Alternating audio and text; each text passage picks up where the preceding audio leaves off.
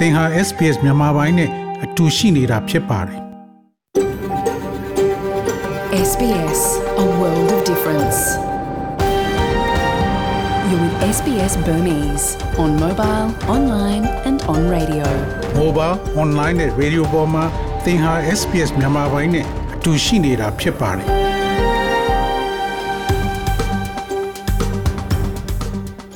တော်ရရှိမြကျက်စီမင်္ဂလာဖျားဖျားနဲ့ပြည့်စုံတော်မူကြပါစားခင်ဗျာ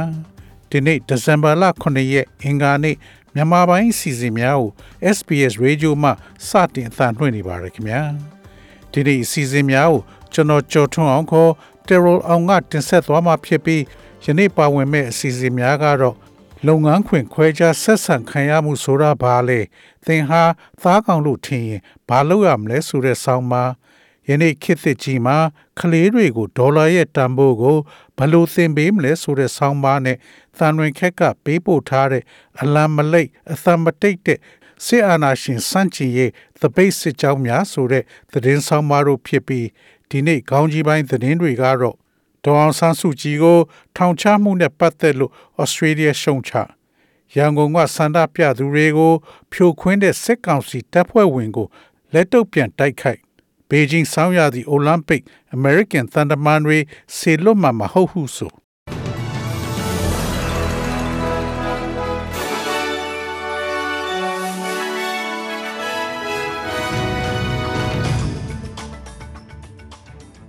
ယခုချိန်ကစပြီးသတင်းများကိုကျွန်တော်ကြော်ထုတ်အောင်ကစတင်ဖတ်ကြားပါတော့မယ်။ဒေါအောင်ဆန်းစုကြည်ကိုထောင်ချမှုဩစတြေးလျကရှုံချ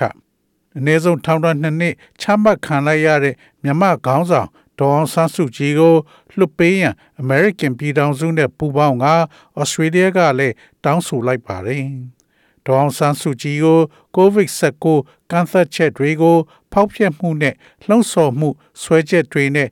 ရှေ့တောင်အာရှနိုင်ငံတရားရုံးကထောင်ဒဏ်၄နှစ်ချမှတ်ခဲ့ပြီးနောက်ဩစတြေးလျနိုင်ငံသားဌာနက စီရင်ချက်ချခဲ့တာနဲ့ဆက်နွယ်ရေးအလွန်မင်းစိတ်ပူမိတယ်လို့ထုတ်ပြန်ပါတယ်။ဆီအာနာရှင်ခေါင်းဆောင်ကတစိမ့်တစ်ပိုင်းလွတ်ငင်းချမ်းသာခွင့်ဖြင့်ထောင်ဒဏ်နှစ်နှစ်သို့ရှော့ချလိုက်ကြောင်းနိုင်ငံပိုင်းရုပ်မြင်သံကြားမှနောက်ပိုင်းတွင်ဖော်ပြခဲ့ပါတယ်။ UN ရဲ့လူအခွင့်အရေးဆိုင်ရာမဟာမင်းကြီးမီရှယ်ဘက်ရှလက်နဲ့အတူ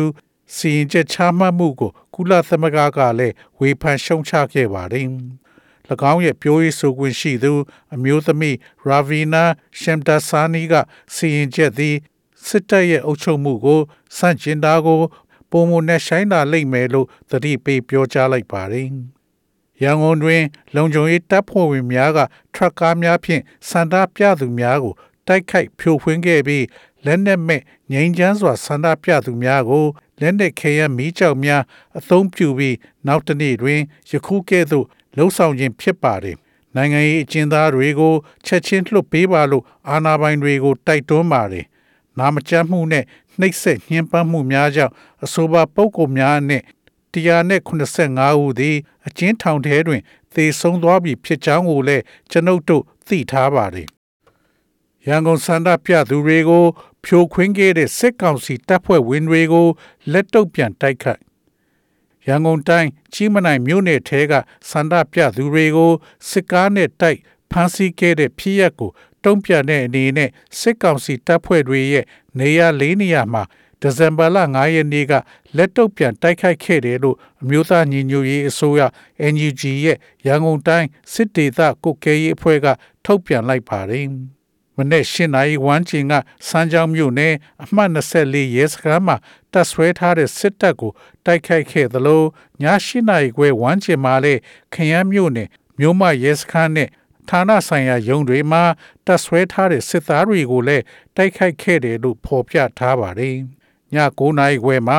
လှိုင်သာယာမြို့နယ်အမှတ်9ရပ်ကွက်အုပ်ချုပ်ရေးမှူးရုံးနဲ့ တမတော်ထဲကျုပ်ဆက်ယုံနီးတပ်ဆွဲထားတဲ့နေရာတွေကို ဖောက်ခွဲတိုက်ခိုက်ခဲ့တယ်လို့လည်းဖော်ပြထားပါတယ်။ဒါအပြင်ဒီဇင်ဘာလ9ရက်ညပိုင်းကလည်းပဲခူးမြို့အမှတ်နှစ်ရဲစခန်းကလှည့်ကင်းထွက်တဲ့ရဲတပ်ဖွဲ့ဝင်တွေကိုပဲခူးမြို့နယ်ပြည်သူ့ကာကွယ်ရေးအဖွဲ့ PDF ကမိုင်းဆွဲတိုက်ခိုက်ခဲ့တယ်လို့ထုတ်ပြန်ထားပါတယ်။ဒီဇင်ဘာလ9ရက်မနေ့ပိုင်းကရန်ကုန်တိုင်းကြီးမြင့်နိုင်မြို့နယ် ပန်းပင်ကြီးလမ်းထဲမှာစန္ဒပြလူငယ်တွေကို double cap စစ်ကားတစ်စင်းနဲ့နောက်ကနေဝင်တိုက်ပြီးဖမ်းဆီးခဲ့တာတွေကြောင့်ထိခိုက်ဒဏ်ရာရသူနဲ့ဖမ်းဆီးခံရသူတွေရှိခဲ့ပါတယ်။ဘေဂျင်းဆောင်းရာသီအိုလံပစ်အမေရိကန်သံတမန်တွေဆေလွတ်မီမဟုတ်ဟုဆို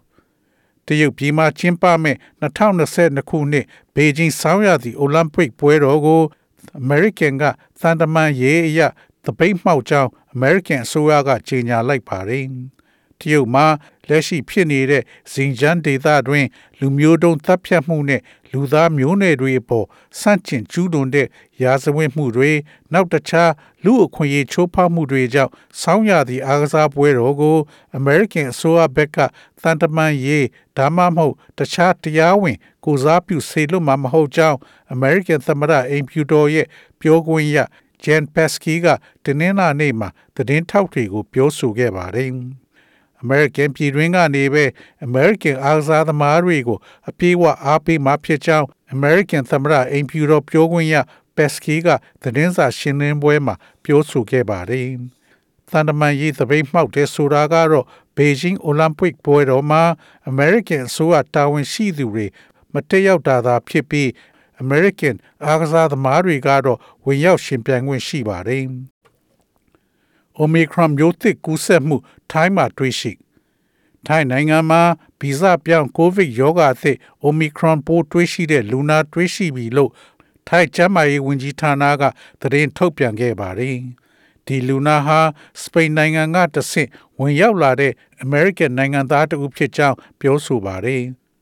ထိုင်းနိုင်ငံအတွင်းဗီဇပြောင်းကိုဗစ်ရောဂါအသစ် Omicron စောင့်ကြည့်မှုနဲ့ပတ်သက်လို့ဖြစ်ထွန်းတိုးတက်မှုတွေကိုထိုင်းကျန်းမာရေးဝန်ကြီးဌာနကအသိပေးကြေညာခဲ့ရမှာဗီဇပြောင်းကိုဗစ်ရောဂါအသစ် Omicron ပိုးတွေးရှိတဲ့လူနာတွေးရှိပြီလို့ဆိုပါတယ်။ Omicron ကူးစက်ခံရသူဟာစပိန်နိုင်ငံကနေတဆင့်ထိုင်းနိုင်ငံကိုဝင်ရောက်လာတဲ့ American နိုင်ငံသားတဦးဖြစ်ပြီးသူ့ကိုနိုဝင်ဘာလ30ရက်နေ့မှာနမူနာစစ်ဆေးရမှာဗီဇပြောင်းကိုဗစ်ရောဂါအသစ် Omicron ဖြစ်နိုင်ခြေ69.9ရာခိုင်နှုန်းမြင့်မားခဲ့တယ်လို့ဆိုပါတယ်။ဒီဇင်ဘာလ3ရက်နေ့ထပ်မံစစ်ဆေးခြင်းအရထိုင်းနိုင်ငံမှာပထမဦးဆုံးတွေ့ရှိတဲ့ဗီဇပြောင်းကိုဗစ်ရောဂါအသစ် Omicron လူနာအဖြစ်သေချာသလောက်ဖြစ်နေပြီလို့ညွန်ချုပ်ကပြောဆိုပါတယ်။စေသိပ်ပဋ္ဌာနညွန်ကြားမှုချုပ်စူပါကစ်စီရီလက်ပြောတဲ့အထက်မှာအသက်35နှစ်အရွယ်အမျိုးသားတဦး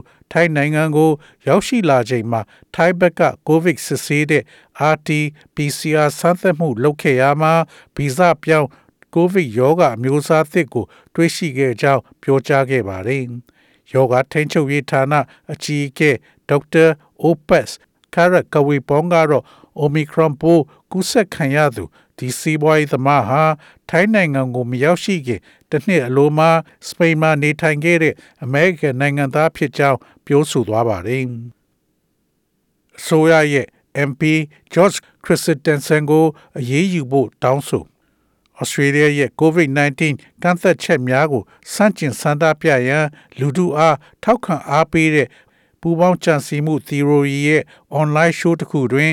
အစိုးရအမတ် George Christensen ကပေါ်လာပြီးနောက်ပြစ်တင်ရှုတ်ချရဝန်ကြီးချုပ် Scott Morrison ပေါ်ဖိအားများတိုးလာနေပါတယ်။ Mr. Christensen သည် Alex Jones ရဲ့ InfoWar အစီအစဉ်တွင်ပါဝင်ခဲ့ပြီး Australia သံရုံးအပြင်တွင် Coronavirus ကူးစက်မှုကိုစန့်ကျင်ဆန္ဒပြကြရန်ဆန္ဒပြသူများအားတိုက်တွန်းခဲ့ပါတယ်။ National MP နဲ့စိုက်ပျိုးရေးဝန်ကြီး David Littleproud ကနိုင်ငံခြားမှအစီအမံများကို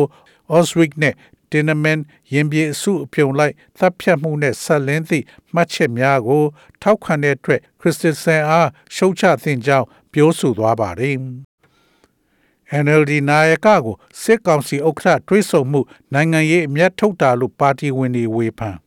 စစ်ကောင်စီဥက္ကဋ္ဌ ဗိုလ်ချုပ်မူကြီးမင်းအောင်လှိုင်ဟာအမျိုးသားဒီမိုကရေစီအဖွဲ့ချုပ် NLD နာယကဖြစ်တဲ့တမတော်ကာကွယ်ရေးဦးစီးချုပ်ဟောင်းသူရဦးတင်ဦးကိုဒီဇင်ဘာလ9ရက်နေ့ကဗဟန်းမြို့နယ်ကနေအိမ်မှာသွားရောက်တွေးဆုံခဲ့တာဟာပြည်တွင်းအခြေအနေဆိုးနေပြီးနိုင်ငံတကာဖိအားတွေများနေချိန်မှာနိုင်ငံရေးအရအမျက်ထုတ်တဲ့လောက်ရလို့ NLD ပါတီဝင်တချို့ကဝေဖန်ပါတယ်။ ဒီတွေ့ဆုံချိန်မှာသူရဦးတင်ဦးက NLD ပါတီကိုစားပြုပင်နေတိုက်ပုံနဲ့ခွန်တောင်းအလံရင်ထိုးတက်ပြီးလက်ခံတွေ့ဆုံခဲ့တာဖြစ်ပါတယ်။အခုလိုနိုင်ငံတကာရဲ့ဖိအားတွေများနေချိန်မှာနေအိမ်ထိတကူးတကလာတွေ့တာဟာ NLD ပါတီကို အလေးထားတဲ့ဆိုတဲ့ပုံစံမျိုးနဲ့ ဟန်ဆောင်ပန်းဆောင်နိုင်ငံရေးအမျက်ထုတ်တဲ့ကိစ္စဖြစ်တယ်လို့ NLD ပါတီရန်ကုန်တိုင်းလွှတ်တော်ကိုယ်စားလှယ်တဦးဖြစ်တဲ့ဥပဘိုဦးကဝေဖန်ပြောဆိုပါတယ်။ SBS SBS SBS SBS SBS This is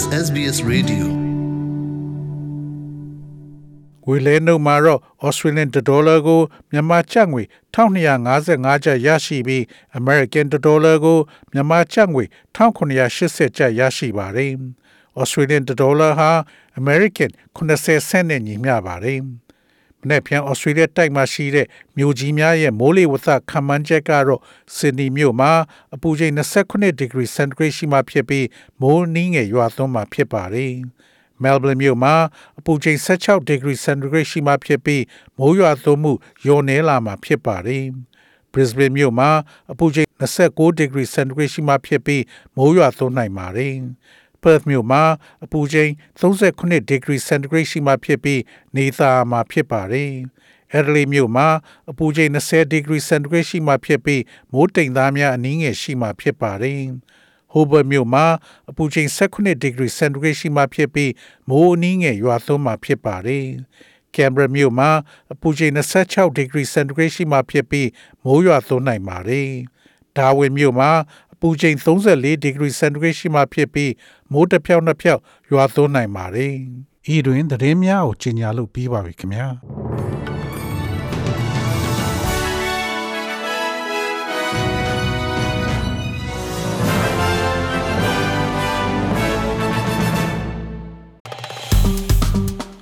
SPS မြန်မာပိုင်းကို Facebook ပေါ်မှာ like ရှာပြီး like မျှဝေမှတ်ချက်ပေးပါ